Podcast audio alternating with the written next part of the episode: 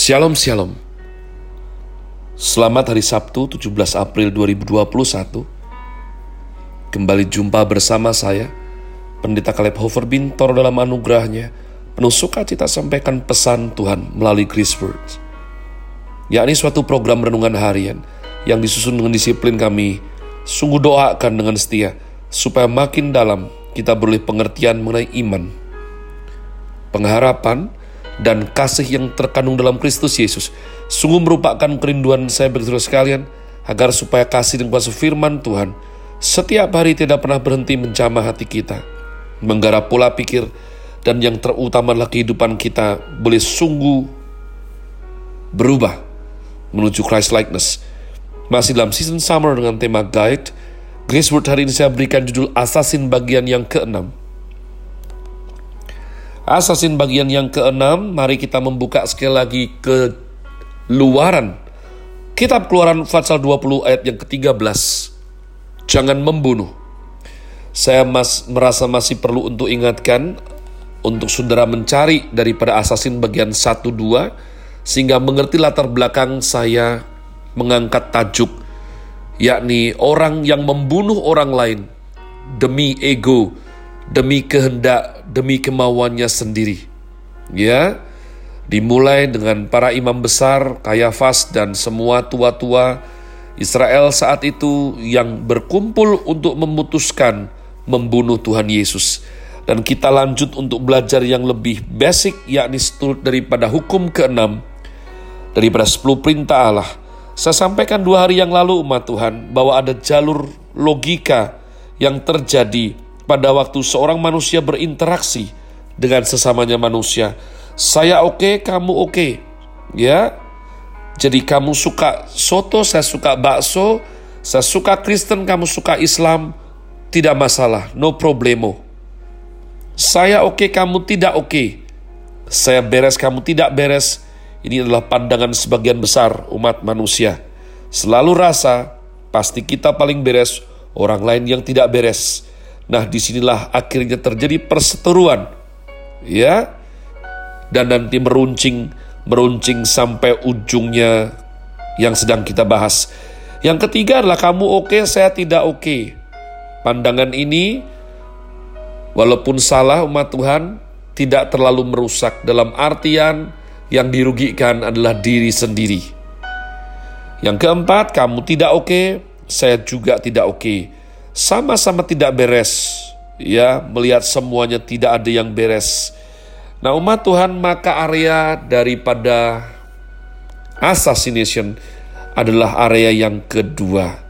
Saya oke, okay, kamu tidak oke. Okay. Nah, selamanya di dalam keterkaitan yang saya katakan tadi, kalau tidak terlalu memutlakkan salah satu dan tidak terlalu ekstrim, maka kita semua bisa hidup. Masalahnya, sikap oke okay, tidak oke okay ini bisa berubah, bahkan jadi tingkat yang radikal. Jika kita merasa mutlak oke okay, dan kamu mutlak tidak oke, okay, maka ini nomor dua tadi bisa jadi akar masalah yang sangat berbahaya. Orang bisa sama sekali tidak peduli dengan semua kerusakan masyarakat karena menganggap semua itu oke. Sebaliknya ada orang yang berjuang agar cepat kiamat dan berusaha hancurkan seluruh dunia karena berpandangan semua dunia ini tidak oke. Inilah penyebab terorisme dan pembunuhan umat Tuhan. Ya, orang yang menganggap diri lebih penting dari orang lain, lebih oke daripada orang lain, bahkan merasa punya hak lebih daripada orang lain, akan menghancurkan sesamanya manusia. Jadi, ketika seseorang mulai memutrakkan bos saya oke, okay, namun kamu tidak oke. Okay. Definisi tidak oke okay ini bisa berbagai macam. Maka itu akan mulai mengarah kepada kemungkinan terjadinya pembunuhan. Orang membunuh orang lain karena beberapa sebab utama. Yang pertama, dia beranggapan bahwa orang lain tidak beres, sehingga lebih baik hidupnya dihentikan. Semua masalah ini akan bagus jika dia tidak hidup. Pada saat itu si pembunuh sedang tidak beres karena pasti memposisikan diri sebagai Tuhan Allah yang berhak untuk berkuasa menghentikan hidup orang lain. Yang kedua, asasin adalah tindakan membenci orang tertentu sehingga keberadaan orang itu dianggap mengganggu dan mengancam dirinya. Maka keberadaannya menjadi neraka bagiku. Itulah pernyataan Jean Paul Sartre, filsuf eksistensialis daripada Prancis, kebencian itu bisa berakhir dengan pembunuhan. Maka kalau sudah cermati dalam kitab suci kita, Alkitab menyamakan membenci dengan membunuh. Kalau kamu sudah membenci saudaramu, itu artinya sama dengan kamu membunuh saudaramu. Ketika yang dibenci adalah diri sendiri, maka ia akan membunuh dirinya sendiri. Yang keempat, karena terjepit dalam situasi sulit, ada peribahasa mengatakan tidak bisa sama-sama hidup di bawah kolong langit. Kalau engkau ada, aku harus tidak ada. Kalau aku ada, engkau harus tidak ada, maka kesimpulannya adalah engkau harus tidak ada. Dalam sejarah politik, Kaisar Yongli dari dinasti Ming pada tahun 1402 merebut kekuasaan dari keponakannya dan untuk menjaga supaya tidak ada balas dendam, ia mengirim Seng Ho untuk mengejar dan memenggal keponakannya di depan matanya. Ya, itu sejarah. Begitu juga setelah Lenin meninggal di tahun 1924. Rusia memiliki dua pemimpin besar, yakni Stalin dan Trotsky. Akhirnya, Stalin yang berkuasa dan ia mencari Trotsky yang menghilang bersembunyi. Sampai akhirnya ditemukan dan mati di Meksiko.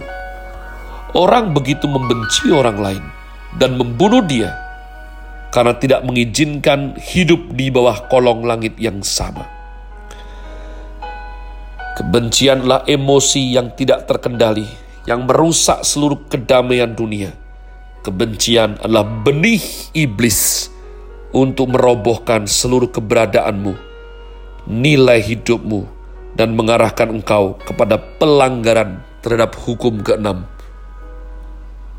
dari beras sepuluh perintah Allah yakni jangan membunuh. Sebelum seseorang membunuh orang lain, ia selalu tidak memikirkan terlebih dahulu apa akibatnya.